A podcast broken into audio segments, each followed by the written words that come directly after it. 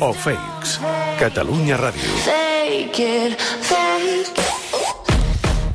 Doncs uh, la ministra González Laya és precisament Protagonista, eh, avui? la protagonista involuntària. Sí, sí, perquè m'heu cridat l'atenció, m'heu fet veure que Bin Laden era trending topic avui, Sí. i no és que hagi ressuscitat, No. sinó que ha començat a córrer pel Twitter eh, espanyol a aquest tall.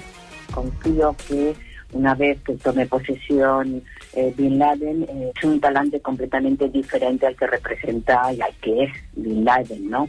Un hombre dialogante, y porque ya ha anunciado Bin Laden que uno de sus I això va es acompanyat tant a Twitter com a grups de WhatsApp o qualsevol cosa d'un text que diu que aquesta senyora que parla i que felicita Bin Laden per haver guanyat les eleccions americanes és González Laya, la ministra d'Exteriors espanyola, suposadament o en una entrevista a És Ràdio o això no, no queda ben clar, però és un àudio que ja està corrent com la pólvora, eh? Sí, ja et sí, dic. sí, sí, sí. Trending topic i, i res. Eh... Sabem d'on surt? Doncs ara mateix no sabem d'on surt. El que sí que sabem, hem escoltat algunes de les entrevistes que ha fet González Daya després de la proclamació de Biden i encara no s'hi ha referit, és a dir, no ha parlat d'ella. Nosaltres hem pogut escoltar, per exemple, una que va fer a Onda Cero, també una que va fer a la cadena SER, i en aquestes, de moment, no s'hi referia, deia que, de fet, encara no s'havia de- no nomenat el, el guanyador, i simplement deia que parlarien amb qui fos que guanyés les eleccions. Després, els companys de Maldita.es eh, s'han escoltat les entrevistes al Rojo Vivo a la Sexta, també una Europa Press, una a l'hora de la 1 de, Reu- de Ràdio Televisió Espanyola, i en cap d'aquestes entrevistes hi ha un fragment que s'assembli ni per una banda o per l'altra a aquest. Per tant, el que estem eh, del davant és un, d'un deepfake, el, el que seria inventar-se un àudio. De fet, quan sentiu un àudio amb mala definició, com amb... eh, No sé si el pots tirar una altra vegada, Cesc. Confío que una vez que tome És un àudio telefònic, eh, que està brut, eh, que no saps ben bé si la veu és la de la ministra. Ara l'acabem de sentir en la promo. Podria ser-ho, però podria no ser-ho. I, de fet, eh, clar, és tan fàcil fer això. Mm, per exemple, mm, nosaltres tenim una promo ara feta del Fets o Fakes en la que sona això. Repito, sí que me quería ir y creo que, que, que estoy en todo mi derecho porque lo decía el contrato y, y podía quedar libre y, y fichar por el español que, que siempre fue mi sueño. Clar, Se'n va a l'Espanyol? sí, sí, és el Ja que ha volgut t'agradaria. sempre, Leo Ja Messi. t'agradaria. Vale, igual. Clar, aquest és Leo Messi. Eh, la primera part del tall és un tall real de l'entrevista Sí. que va fer a l'estiu. La segona part és una, una imitació dels companys dels Minuts Escombraries del Tot Gira. I és així de fàcil fer un fake i fer-lo córrer, i ja ho veuen, i el desprestigi doncs, de la ministra, del govern i tal, va per aquí. En aquest cas, sembla que és un fake, és bé, bastant, bastant clar, però vés a saber les que ens en podem passar de declaracions de no sé qui, i també es pot fer això en vídeo, cada vegada és més fàcil. Per tant, hem d'estar atents a que, al que passa i per qüestionar-nos el que ens arriba perquè pensar-ho dues vegades. saltin de seguida les alarmes davant Sí. de, de qualsevol notícia d'aquest tipus. Vinga, va, doncs aquest és el primer cas, a més eh, d'avui. Un altre cas de fets o fakes. Té a veure amb una de les grans notícies d'aquesta setmana, la, la vacuna. Sí, en, el que, en aquest cas de sobre la vacuna de la grip, eh, però perquè el, ara també estem en campanya de la vacuna de la grip i és una, una mentida que va córrer ja al mes de juny, però ara realment en campanya la grip ens va semblar pertinent doncs, eh, de verificar-ho i d'explicar a la gent que no ha de tenir por de la vacuna de la grip perquè aquesta, aquesta bola que corre eh, parteix d'un document de l'Hospital de Barbastre i apunta que un dels components de la vacuna de la grip podria fer empitjorar els malalts de Covid. Per tant, és una, una afirmació mm, realment perillosa. A partir d'aquí, doncs, missatges de WhatsApp, vídeos com aquest de Quinta Columna,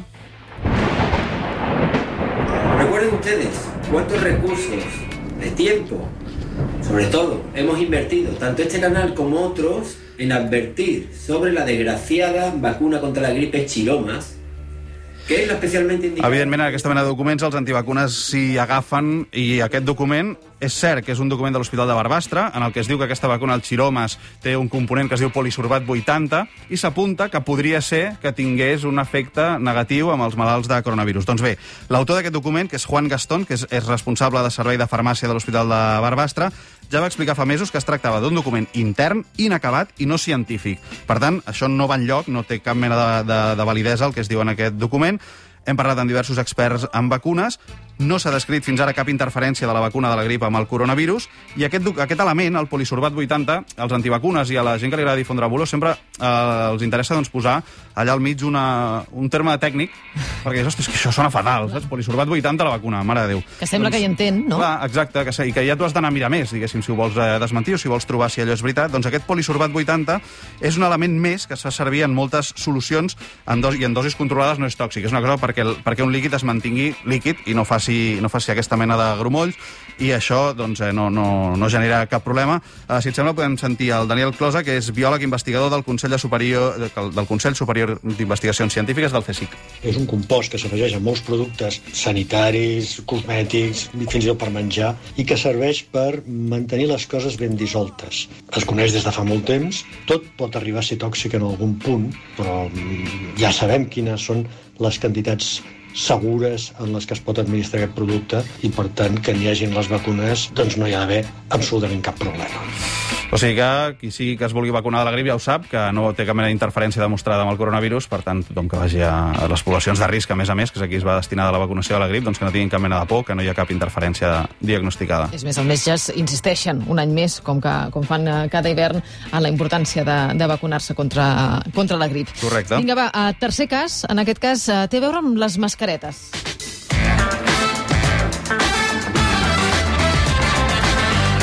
I en aquest cas és un fet. Ha aparegut i ha corregut molt també un vídeo d'un client de l'Alcampo de Mataró que arriba a lloc on es venen les mascaretes, agafa un paquet de mascaretes i diu mira, bueno, sentim-lo ell. Diuen que no comprem la K95 i sí la FFP2. I els senyors del campo són molt llestos i el que fan és agafar un estoc de mascaretes K95, li casquen a sobre una etiqueta de FFP2, quan en realitat són K95. I apa, tots contents. Ens estan enganyant com a xinos. Difongueu-lo, sisplau. Al campo de Mataró, al costat de la ronda.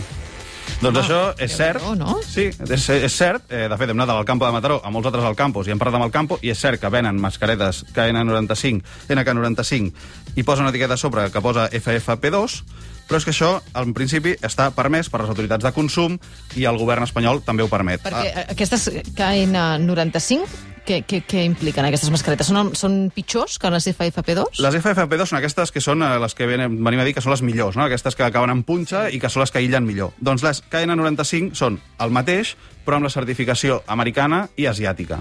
Ah. Llavors, no tenen el segell de la Comissió Europea.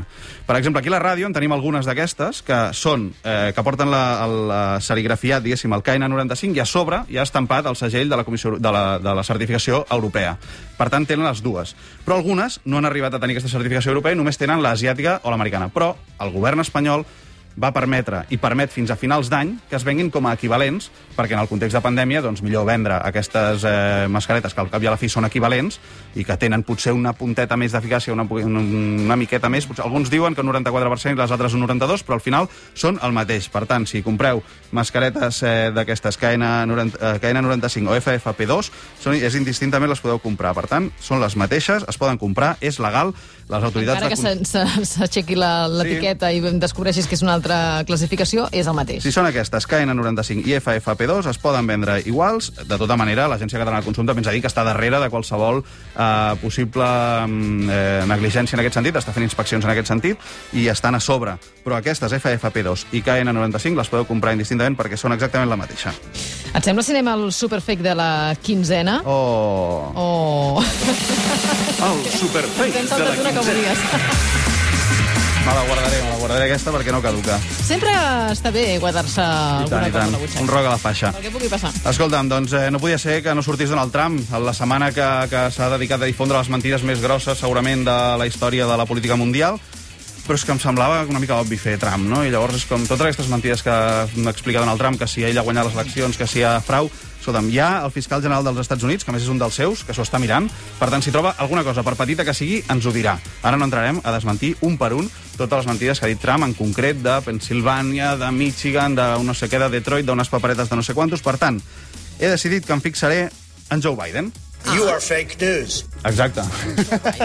I per això vaig a per Joe Biden. Què ha Joe fet Biden... el bo d'en Joe? Bé, hem mirat si menteix o no menteix, perquè al cap i a la fi sembla que si no passa res molt, molt, molt greu serà el pròxim president dels Estats Units, i per tant hem anat a PolitiFact. PolitiFact és un dels fact-checkers de referència del món, un dels primers que s'hi van posar, i, hem, i aquesta gent doncs, eh, fact-checkeja amb moltíssima gent, i a, a Joe Biden en concret li han fet 100, 173 fact-checks, és a dir, han consultat 173 afirmacions seves o declaracions seves i han mirat doncs, si era mentida, si era, mm. si era veritat. I tenim els marca, el marcador de, de Joe Biden, val?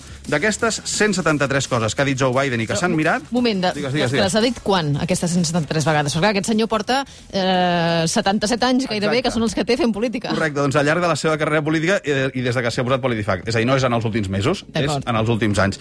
Per et fas una idea, de Joe Biden, que té aquesta dilatada carrera, li han fet 173 fact-checks i a Joe Biden i, han fet, ai, a Donald Trump li han fet 914. Vale? 173 a 914. Vaja. O sigui que amb Trump s'hi han hagut de posar bastant més. Doncs Joe Biden, d'aquestes 73, eh, 173 coses que han mirat, un 37, 36% són veritat o majoritàriament veritat, és a dir, la majoria, eh, la major part del que diu veritat.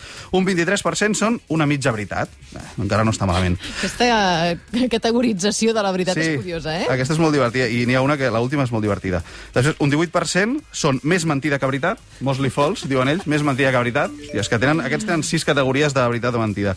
I després hi ha un 20% que són falses o directament mentida podrida. Ells diuen pants on fire. Perquè en anglès, eh, els nanos, en, al col·le, quan dius una mentida, és liar, liar, pants on fire. Llavors, Pants on Fire és una mentida ja flagrant.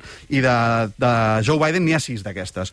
I una d'elles, per exemple, és que Trump va aparèixer en campanya, potser recordar-se, en un vídeo amb una bíblia a la mà, i Sí. Biden va dir, o es va afegir a la brama, que eh, Trump la portava al revés. Una mica en aquesta línia de les, de les mentides per... És una mica absurd, no? Sí, és, una, és molt tonta, Només has de mirar. però es va afegir a aquesta brama, és una mica com això González Laia, no? la idea de desprestigiar el rival amb una tonteria doncs, molt petita, com podria ser doncs, aquest error de confondre Joe Biden amb Bin Laden.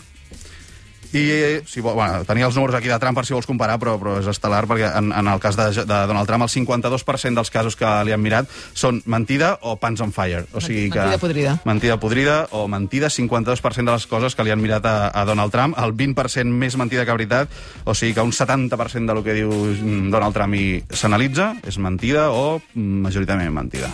Que divertit, això. És molt xulo, aquest marcador. Per cert, si voleu mirar totes aquestes dades i tots aquests eh, fact-checks i tot això, que sempre té moltes dades i és com molt de detallet, ho hem penjat al web del Matí de Catalunya Ràdio, o sigui que ho podeu consultar allà si voleu mirar totes les dades. Els dos primers els hem fet al Fets o Fakes, el de González Laia penjarem el de Maldita, que és qui s'ho ha currat més en el menor temps possible, i aquest de Donald Trump doncs, i de Joe Biden és de PolitiFact, que és un fact-checkejador de referència. Doncs vinga, allà ho tindrem tot per, per consultar-ho. Gràcies. Que vagi molt bé. Fins ara. El matí de Catalunya Ràdio.